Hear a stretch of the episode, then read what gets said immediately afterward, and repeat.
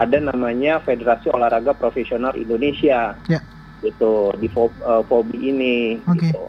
Supaya apa? Supaya ya klub-klub ini memang tertata rapi ya bicara profesional gitu. Dan dari administrasinya dulu baru nanti ke Hmm. SDM-nya gitu. Wow, kalau untuk tingkat DKI Jakarta sendiri nih Bang, perkiraan eh, jumlah klub futsal yang eh, ada di data di eh, Asosiasi Futsal eh, Provinsi DKI Jakarta sekitar berapaan tuh Bang? Ada berapa jumlahnya tuh Bang? Oke, jadi eh, semenjak eh, kepengurusan kami eh, ditetapkan, Ya. kami riset ulang. Jadi istilahnya Oh, kalau wow. komputer tuh kita ribot lah. Gitu Jadi kan. bener-bener bebenah nih Bang ya? iya kita ribot, terus Oke. kita kita bikin ulang sampai dengan hari ini yang terdaftar secara eh, Resmi ya? AFC-nya DKI Jakarta Hmm, hmm. itu sudah 6 6 tim untuk putra dan tiga tim untuk putri Oke. gitu. 96.3 RPK FM Jakarta Selamat sore sahabat RPK Kembali berjumpa dalam program TOS Teman olahraga sore-sore Di edisi teman sore saat ini Senin 7 Maret 2022 Sahabat RPK ini berarti jadi Pekan pertama dengan Senin yang pertama ya. Seperti biasa sahabat RPK di Senin yang pertama di bulan Maret ini ya Ada Coach David Nanulaita yang akan ikut menemani sahabat RPK juga untuk membahas eh, dunia futsal sahabat RPK dengan berbagai topik yang menarik sahabat RPK. Saya sapa terlebih dahulu. Selamat sore Coach. Selamat sore, Apa kabar Coach? puji Tuhan baik. Ya, ini pasti sangat gembira karena timnya naik ke posisi 4 dengan sisa dua pertandingan. Oke, tapi kita nggak akan bahas The Gunners sahabat RPK. Ini kita akan eh, bahas eh, dari dunia futsal. Ini kemarin waktu dikasih materi, coach eh lumayan bertanya-tanya juga. Iya. Ya, ini kebetulan juga kemarin sharing materi sama Arthur nih. Arthur tapi lagi biasa cuti liburan. cuti ya, bukan cuti liburan dia lagi cuti sahabat RPK ya. Tapi nggak apa-apa sahabat RPK ini beberapa materi yang masuk dari kemarin juga sedep-sedep banget ya. Kenapa? Karena Coach David Nanulaita selalu membawa narasumber lainnya, kompatriot dia dari dunia futsal nantinya akan berbagi juga ya. Itu nanti siapa nanti saya akan kasih tahu. Nah kemarin ini materinya yang bikin berpikir juga ya. Ini yaitu klub futsal wajib berbadan hukum. Wah ternyata harus ada legalitas tersendiri ya dari klub futsal nih ya. Harus ditekankan berbadan hukum. Tapi mau cerita lebih jauh nih dari awal nih coach Iya. soal eh, klub futsal kalau dari pengalaman coach awal-awalnya itu pernah punya pengalaman ikut mendirikan sebuah klub futsal nggak? Itu awalnya bagaimana tuh coach? Oh iya, ya eh, kalau dibilang pernah meng- eh, mendirikan klub futsal ya Mm-mm. di tahun 2006 ya. 2006. Nah, 2006 eh, saya juga ikut terlibat dalam salah satu klub eh, semi pro waktu itu. Ya. Itu namanya eh, SWAP, SWAP. Swap. Ya, Sport Worship and Praise ya. Nah, dan klub itu bermain di Liga Pro Liga Pro Futsal sejak tahun 2006. Sejak tahun 2006 Iya. sampai sekarang coach ya? S- sekarang eh, udah non aktif ya. Nonaktif? klubnya. Heeh. Nih legend-legendnya Banyak kan alumninya aja nih. kebanyakan alumninya.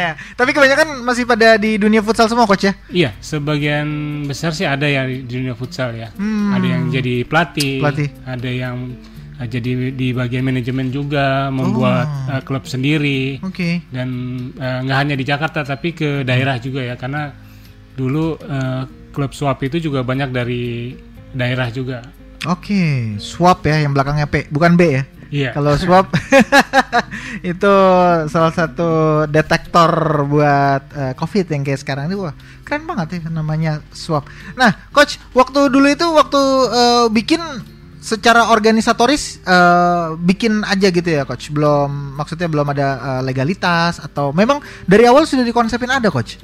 Eh, belum ya karena Belum ya? waktu di 2006 itu kita hanya eh, bentuk klub aja Bentuk klub aja. kemudian terus eh, memang terus ditawarkan untuk ikut liga profesional Ah. kita ikut Iya. dan memang dulu walaupun eh, temanya profesional tapi masih banyak yang semi pro ya Hmm. ya istilahnya segitu dan kemudian baru di tahun 2012 atau 2015 itu baru eh, federasi membuat aturan untuk semua klub yang ikut pro, ikut klub eh, futsal profesional Oke. harus berbadan hukum Harus berbadan hukum sejak tahun berapa tuh coach tadi? sejak tahun 2015 kalau nggak salah. 2015 ya? Iya. Wah, ini pasti kita mau tahu lebih banyak nih. Ada yang mungkin ada yang mendasari kenapa harus berbadan hukum gitu, coach ya. Jadi sebelum 2015 itu bisa dipastikan em, lebih banyak yang eh, kalau bisa dibilang eh, tidak berbadan hukum gitu, coach ya. Iya, Klub-klub eh, futsal yang ada.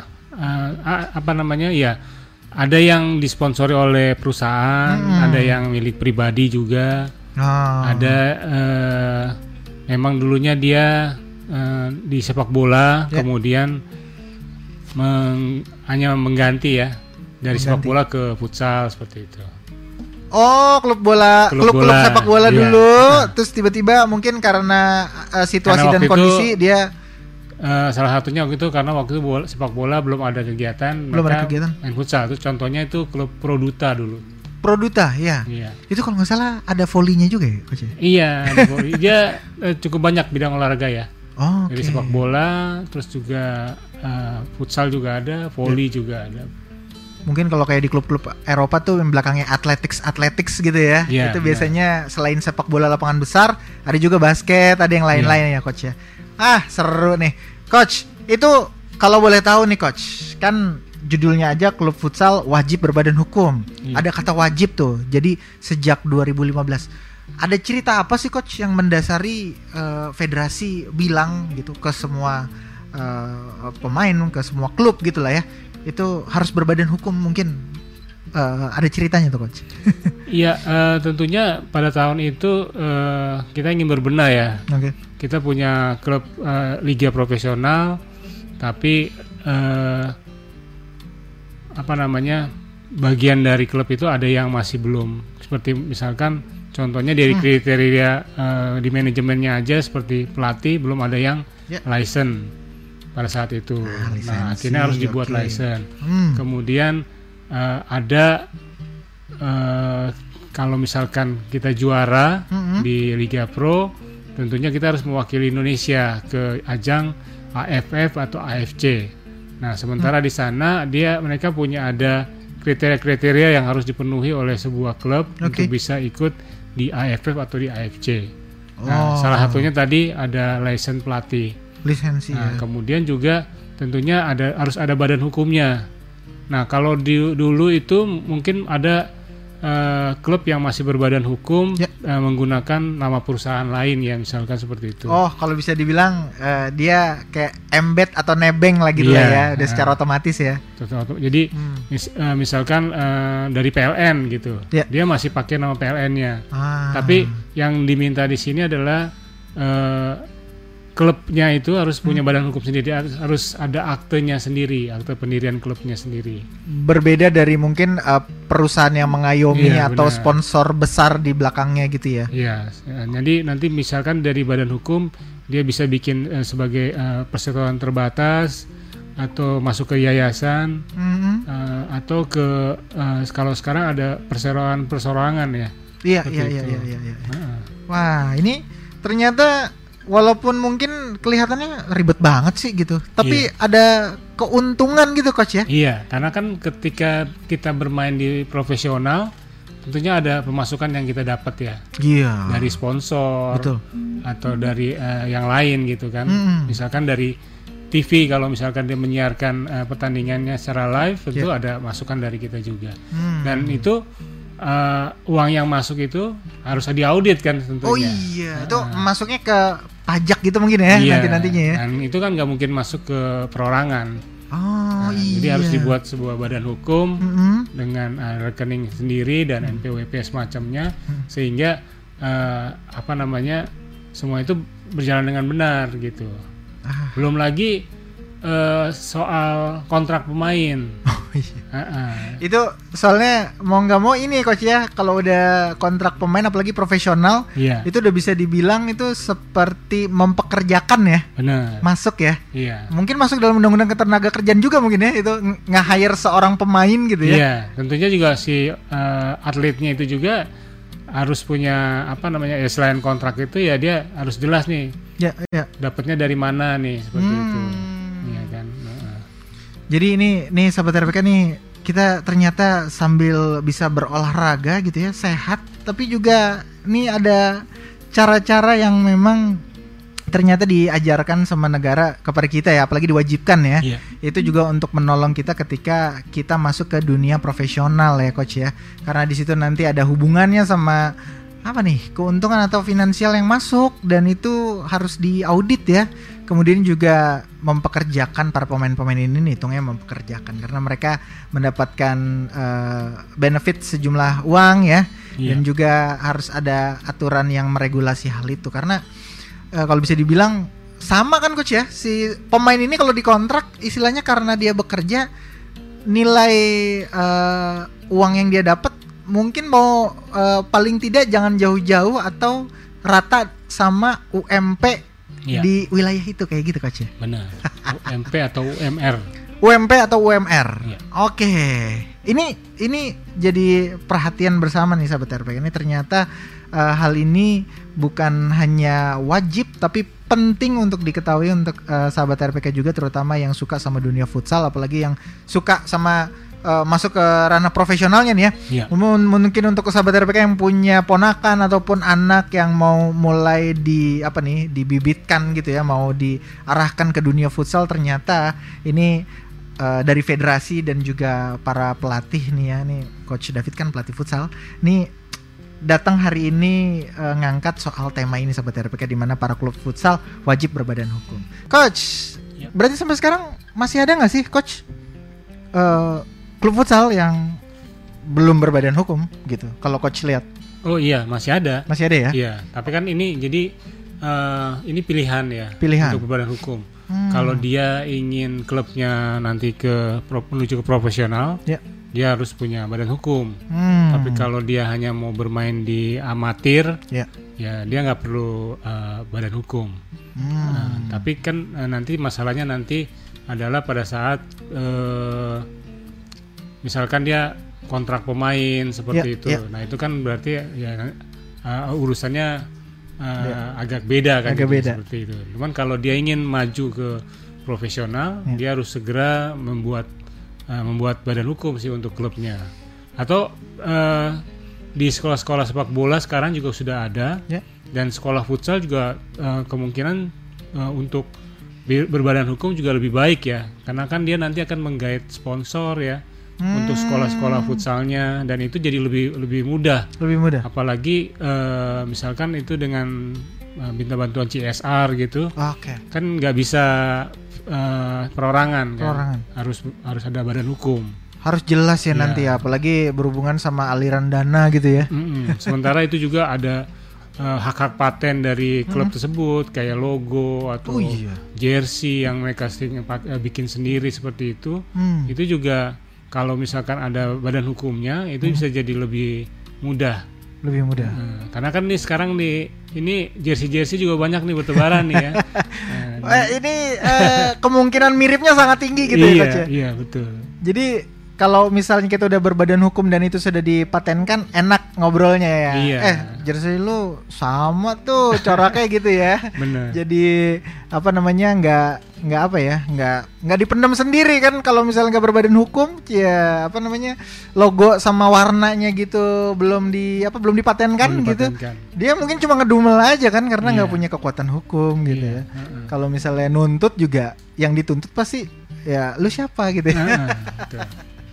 ini nggak sih coach eh, pengalaman di lapangan ada nggak sih yang kayak gitu yang logonya mirip nih jersey-nya mirip gitu Oh iya banyak ya, Banyak ya? ya. Dan eh, kadang bukan hanya eh, apa dia niru dia punya logo dari dari apa eh, jersey tersebut ya. Heeh. Oh. Aparelnya ya, jadi sama ya seperti itu itu juga. Karena kan gini waktu di profesional dulu, Ya. kalau kita mau menggunakan baju atau jersey yang merek yang sudah terkenal Mm-mm. itu eh, harus asli ya, harus Oke. original ya. Hmm. Kalau kita nggak original itu kita bisa di bisa dipertanyakan. Uh-uh. Ah. Sementara kalau kita mau pakai eh, aparel sendiri ya harus bikin sendiri seperti itu. harus bikin sendiri. Uh-uh. Itu- Atau nggak pakai eh, logo aparel sih kalau Iya. bisa. Tapi itu paling nanti juga kalau udah berbadan hukum pun memang eh, sepaket akan diurusin gitu ya, coach. Iya. Termasuk eh termasuk sama eh, hak paten dari eh, logonya, nama juga ya, coach Nama ya. betul. Nama klub ya. Iya. Nama klub tuh juga ternyata penting. Nah, coach, ini mungkin nanti sama narsum kita saya akan tanyakan juga ya. Eh, selain tadi faktor eh, kalau mereka cuma mau amatir aja sih nggak apa-apa. Tapi pastinya yang namanya klub kan biasanya mau ada perubahan ya. Iya. Mungkin juga ternyata dia sangat beruntung memiliki skuad yang bagus, Benar. berprestasi, akhirnya istilahnya bisa naik level, tapi akhirnya jadi susah untuk berkompetisi karena belum berbadan hukum Iya. gitu. Kira-kira apa sih coach yang bikin mereka ah nanti aja deh gitu. Kan eh, ini bukan mau ngatain kan karakter orang Indonesia beberapa ya, termasuk gue juga kadang kalau mau eh, pengen ngeresmiin sesuatu itu kadang suka males gitu. Ah ribet gitu. Iya. apa iya. sih yang bikin klub-klub ini kadang eh, bukan menyepelekan ya tapi cuek gitu ntar aja lah gitu. Iya. apa tuh benar. coach? Ya seperti tadi ya. Eh, tadi sudah pernah juga di- ini dialami di di Jakarta di DKI waktu itu Oke. ya. Ketika timnya menjadi juara di DKI Mm-hmm. Liga Futsal Nusantara dan harus mewakili DKI, eh, ternyata mundur.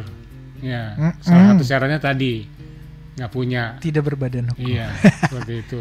Terus kemudian eh, memang eh, menyepelekan ini karena mereka eh, takut ya karena banyak kan belum tahu nih gimana sih caranya untuk itu apa biayanya mahal Oh, untuk pengurusan seperti udah bikin PT atau CV gitu. kayak apa coach? Udah takut duluan kali gitu? Benar, ya itu yang yang karena eh, kita kan juga banyak yang nggak tahu tentang hukum, Ya. cara bikin eh, PT atau bikin Betul. CV, terus Hmm. seperti apa dan itu eh, waktu mungkin se- sebelum-sebelumnya beberapa tahun terakhir Hmm. mungkin sudah ada sekarang ya klub-klub yang berbadan hukum. Belum ada contohnya lah istilahnya seperti itu. Oke. Jadi kita mungkin mu- butuh yang ada contohnya ada contohnya. seperti ini terus eh, karena ketemu dengan notaris saja orang pasti udah punya aduh gimana nih ya biayanya berapa udah, bayangannya udah mahal nih Mahal pasti nih. pasti, itu. itu yang yang yang terjadi sih sebenarnya Oke, ini sejak 2015 coach ya set- setelah eh, federasi kasih tahu wajib berbadan hukum gitu. Iya. Nih tapi juga eh, klub-klub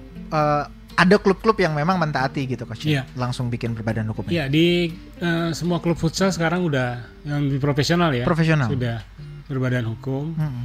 bahkan yang eh, seperti Famos yang sempat berangkat ke AFC itu dia Oke. harus eh, memenuhi semua kriteria-kriteria yang ada Itu lagi ya tadi ya eh, karena dengar tadi eh, untuk tingkat Asia main ke kompetisi itu juga iya harus jelas gitu ya Harus berbadan jelas, hukum ya. Dari kriteria dari apa namanya eh, manajemennya, Ya. kriteria pelatih itu harus ada license-nya. Mm-mm. Eh, kemudian kriteria untuk eh, administratif, Ya. home base-nya juga harus ada surat kontraknya dengan venue yang dia punya, tempat latihan itu harus ada juga. Oh, Oke. Jadi nggak nggak jadi nggak sembarangan gitu. Semacam kayak ya stadion kandang lah ya, Iya. di mana itu juga harus itu harus ada juga. harus ada Ada surat per- pernyataan tertulis ya. Nah, Kalau ini bener-bener Klub ini bermain atau berlatih di sini. ah, oh Nah, kayak alamat rumah lah ya, iya. Dan harus ada suratnya juga. surat. Semacam kayak sekretariat gitu juga, coach. sekretariat Ah. terus juga misalkan dia memang berlatih di misalkan dia menyewa lapangan Ya. di tempat tersebut berarti ada ada perjanjian antara dia antara Ya. klub sama penge- eh, lapangan tersebut pengelola bahwa dalam eh, dalam angka misalnya setahun atau dua tahun dia Ya. memang berlatih di sana dan Berlatih. ada perjanjiannya Oke. itu. Ah, mantap.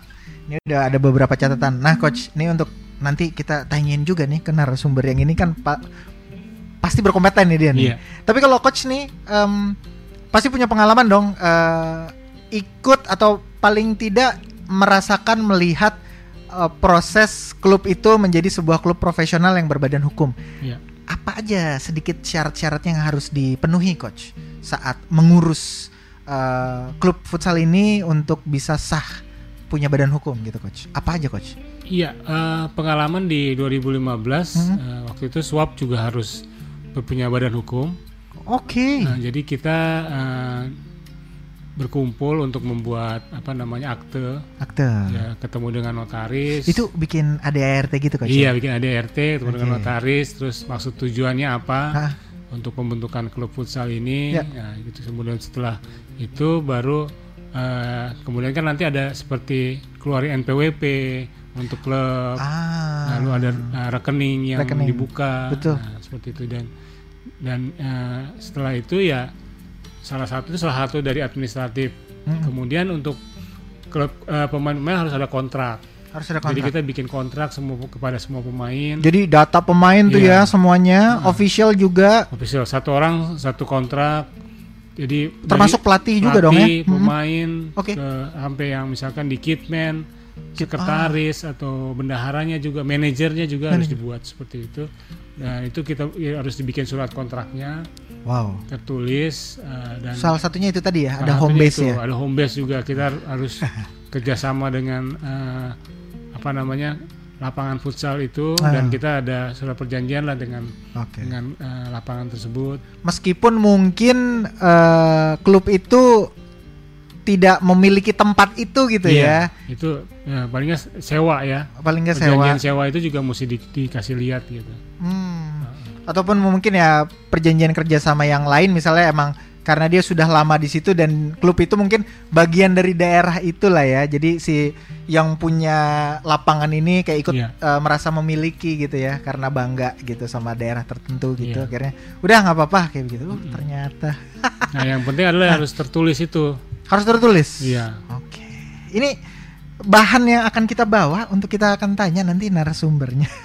eh coach, ini ngomong-ngomong sebelum kita break tanda waktu eh, nanti eh, siapa coach diperkenalkan sedikit nih eh, narasumbernya nih. oh iya nanti ini ada sekretaris AFP DKI Wow, oke. Bang Andri Paranoan ya Mm. Eh, dia juga eh, karena DKI, eh, Linus eh, DKI juga akan mengadakan li- Liga Futsal Nusantara di bulan Maret ini O- Oke. dan salah satu syaratnya itu adalah eh, klub yang harus berbadan berbadan hukum Baru ikut bol- bisa Iya, ikut ya. baru ikut Nanti kita ulas lebih jauh sobat RPK ya. Menarik sekali. Intinya wajib berbadan hukum. Ayo, siapa nih sahabat RPK mungkin yang punya klub futsal meskipun amatir gitu sekarang, tapi kan kepengen ya nanti maju berkembang. Apalagi mungkin nanti bisa undang coach David Nanulaita untuk coaching klinik ya. Harus berbadan hukum dulu biar jelas semuanya. Kita akan kembali lagi sobat RPK setelah kita samakan dulu tanda waktu kita berikut ini.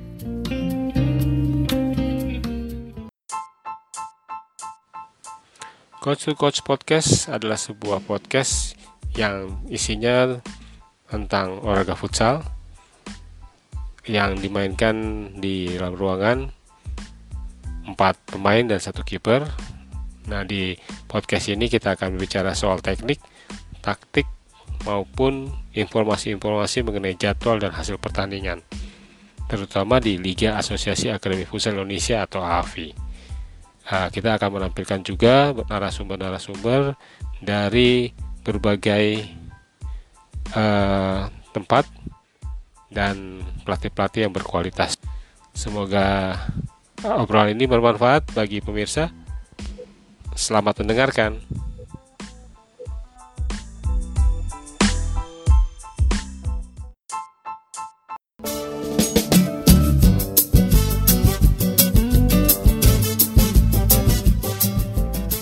Point RPK FM Jakarta. Balik lagi di TOS Teman olahraga sore-sore. Masih bersama Coach David Nanulaita Klub futsal wajib berbadan hukum. Nah sahabat RPK seperti janji saya tadi Dan juga Coach David Kita akan ada narasumber khusus nih. Ini dari eh, Asosiasi Futsal Provinsi DKI Jakarta. Ada eh, Andri Paranoan nih. Selamat sore Bang Andri. Selamat sore. Apa kabar Bang? Alhamdulillah kabar baik. Salam sehat buat semuanya. Salam sehat untuk semuanya. Tadi sekedar searching juga ya, nih Bang Andri Paranoan ternyata orang dari eh, KONI juga nih ya. Kemarin waktu eh, PON dari DKI Jakarta eh, berangkat ke Papua nih, namanya juga cukup banyak nih di pemberitaan nih. Ini sibuk banget berarti ya Bang waktu itu Bang? Ya alhamdulillah diberikan tanggung jawab Baik bang, ini bang temanya tadi kita sudah sekitar setengah jam ngobrol sama Coach David soal klub futsal wajib berbadan hukum nih. Nah ini Bang Andri nih sebagai uh, seorang uh, pimpinan juga nih di Asosiasi Futsal Provinsi DKI Jakarta ngelihat uh, urgensi nih Bang nih pentingnya dari klub futsal wajib berbadan hukum terutama yang akan ikut uh, turnamen gitu nih Bang ya di Provinsi DKI Jakarta juga nih gimana nih Bang? Baik, uh, terima kasih sebelumnya sudah diundang menjadi narasumber untuk uh, kegiatan sore hari ini. Ya. Memang ini menjadi bahan evaluasi kita semenjak uh, kami sebagai pengurus AFP DKI Jakarta mendapatkan mandat dari aso, uh, dari Asprof PSSI DKI Jakarta mm -hmm. untuk uh, memimpin futsal yang ada di Jakarta. Oke. Okay temanya kami adalah bebenah lah bebenah apa yang uh, telah dijalankan selama ini salah satunya adalah bagaimana bagaimana tata kelola klub menuju ke profesionalan hmm. di Jakarta menuju klub profesional yang nanti akan uh, berlaga di event di nasional gitu. Hmm. Oke. Okay. Uh, eh, Bang Andri tadi kita ngobrol tuh uh, sama Coach David nih banyak banget juga saya tadi nanya banget karena salah satu apa nih kalau bisa dibilang nih ya uh, keengganan biasanya ya sebuah klub amatir gitu ya untuk ke profesional disuruh bikin uh, berbadan hukum tuh mereka biasanya tuh kayak takut duluan gitu bang wah nih biayanya gede nanti prosesnya juga lama gitu. Nah kalau dari asosiasi futsal sendiri ada semacam kayak bantuan gak sih bang tentang bagaimana caranya uh, proses membuat sebuah klub jadi berbadan hukum gitu nih bang?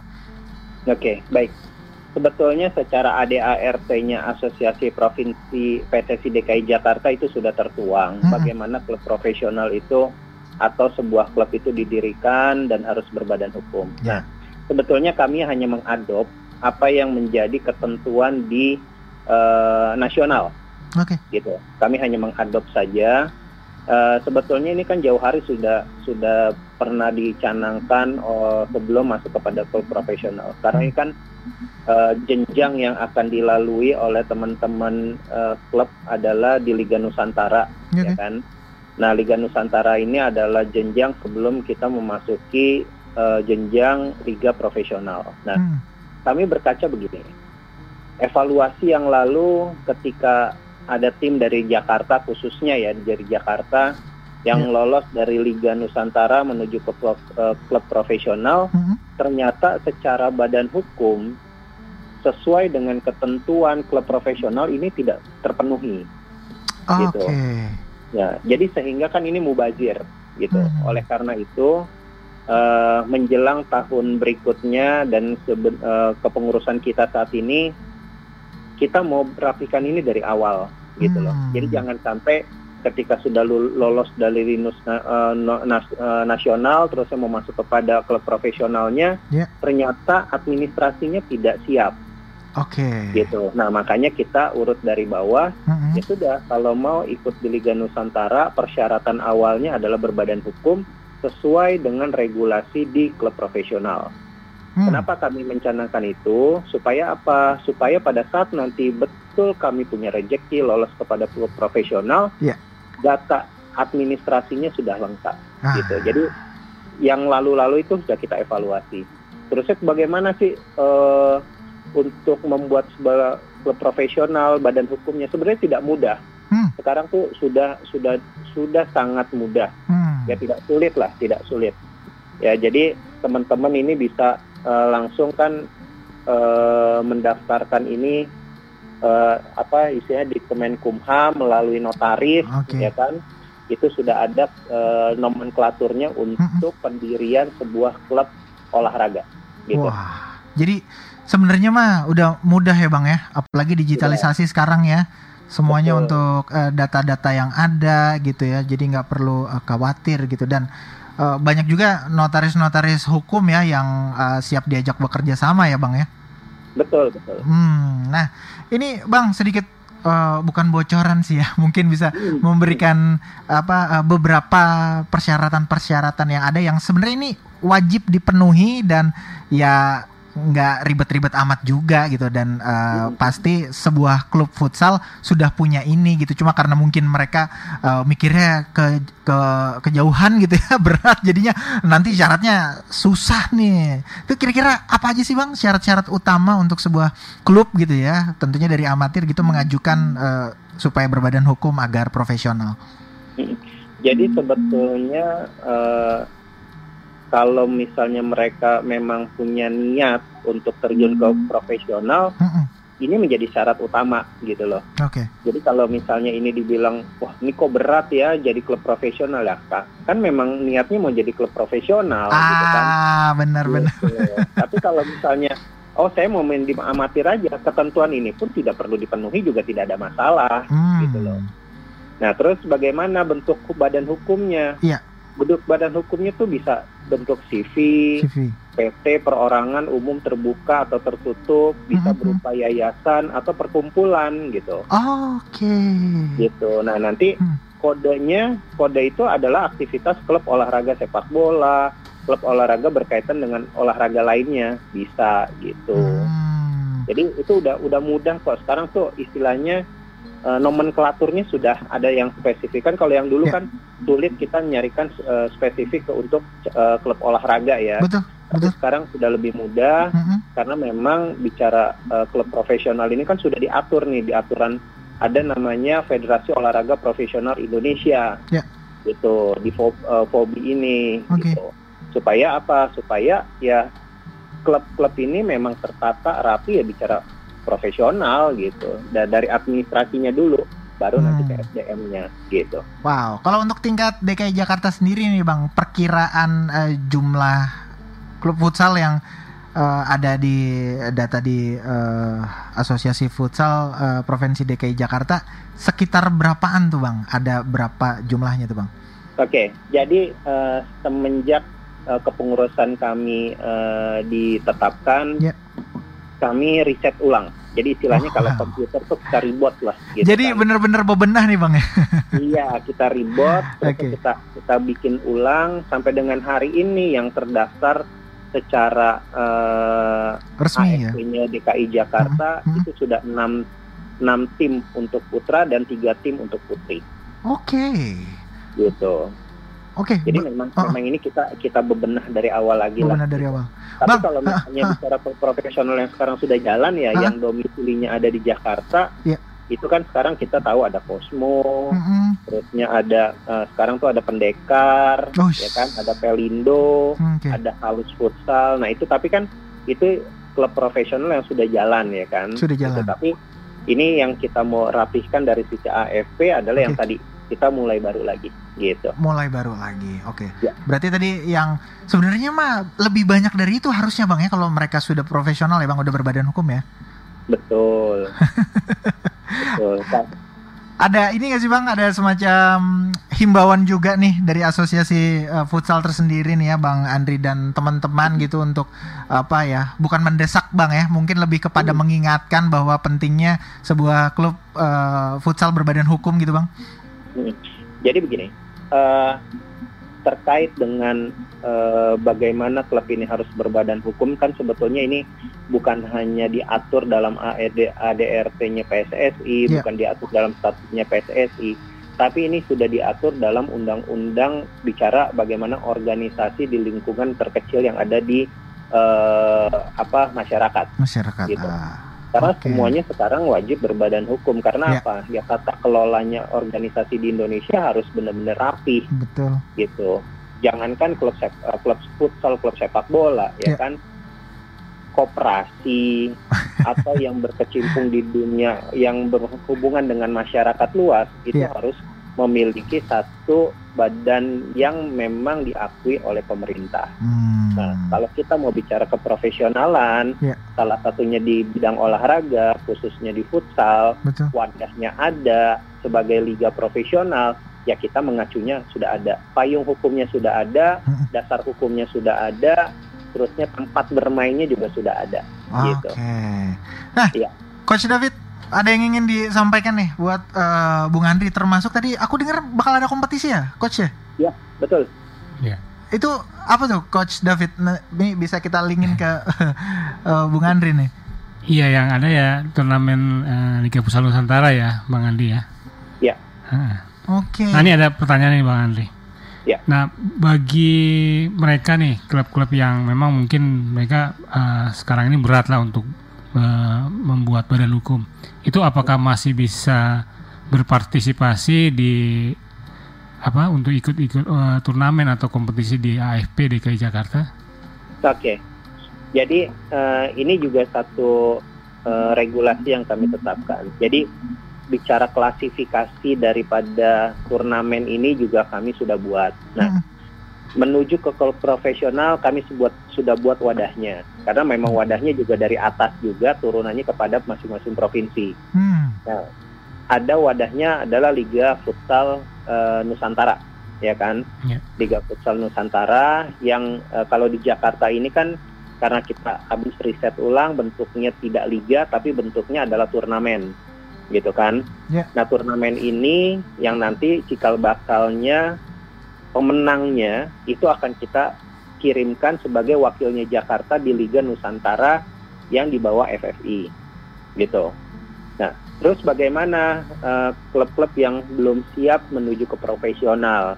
Kami tetap siapkan wadahnya gitu. Kami tetap siapkan wadahnya nanti kami siapkan uh, turnamen-turnamen selanjutnya untuk dapat mewadahi seluruh pemain futsal dan klub futsal yang ada di DKI Jakarta mm -hmm. untuk bisa bermain, bertanding, berlomba khususnya di Jakarta. Memang tujuan awalnya kita seperti ini.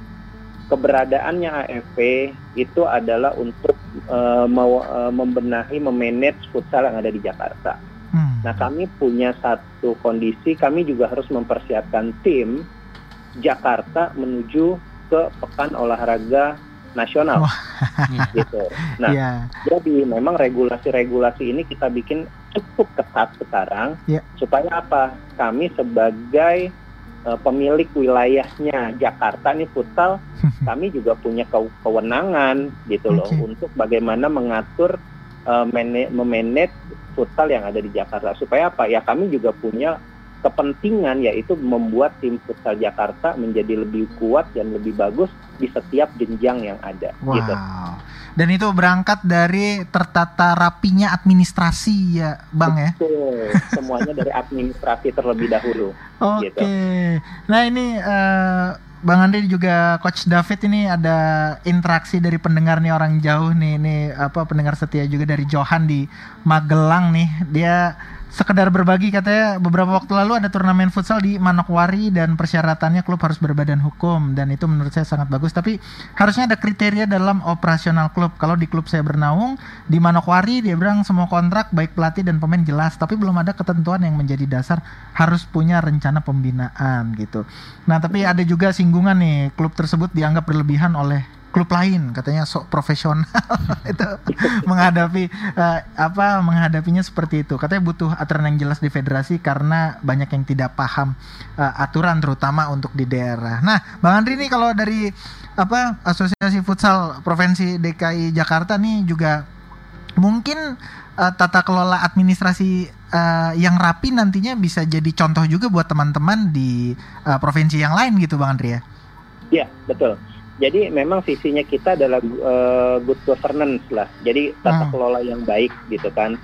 Karena kalau misalnya tadi ada ada singgungan terkait ah sok profesional dan segala ya itu uh, kita kita jalan saja dulu gitu. Ah. Karena memang uh, tidak mudah um, membentuk sesuatu yang baru, hmm. membentuk sesuatu yang uh, belum familiar di di orang lain banyak gitu kan.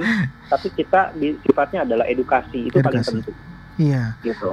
Nah, Dan, bicara uh, edukasi adalah hmm. sosialisasi yang terus menerus, tidak hmm. boleh berhenti.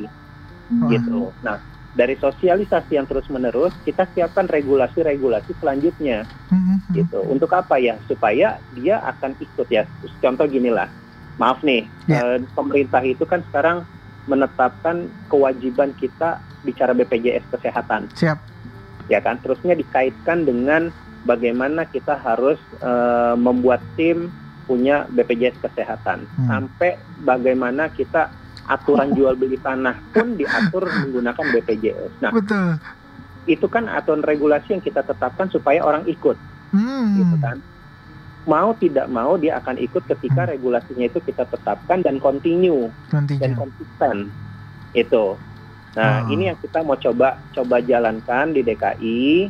Kita sudah mengevaluasi yang lalu, kita coba jalankan ini step by step kita akan sosialisasinya terus kita jalankan kok. Oke. gitu.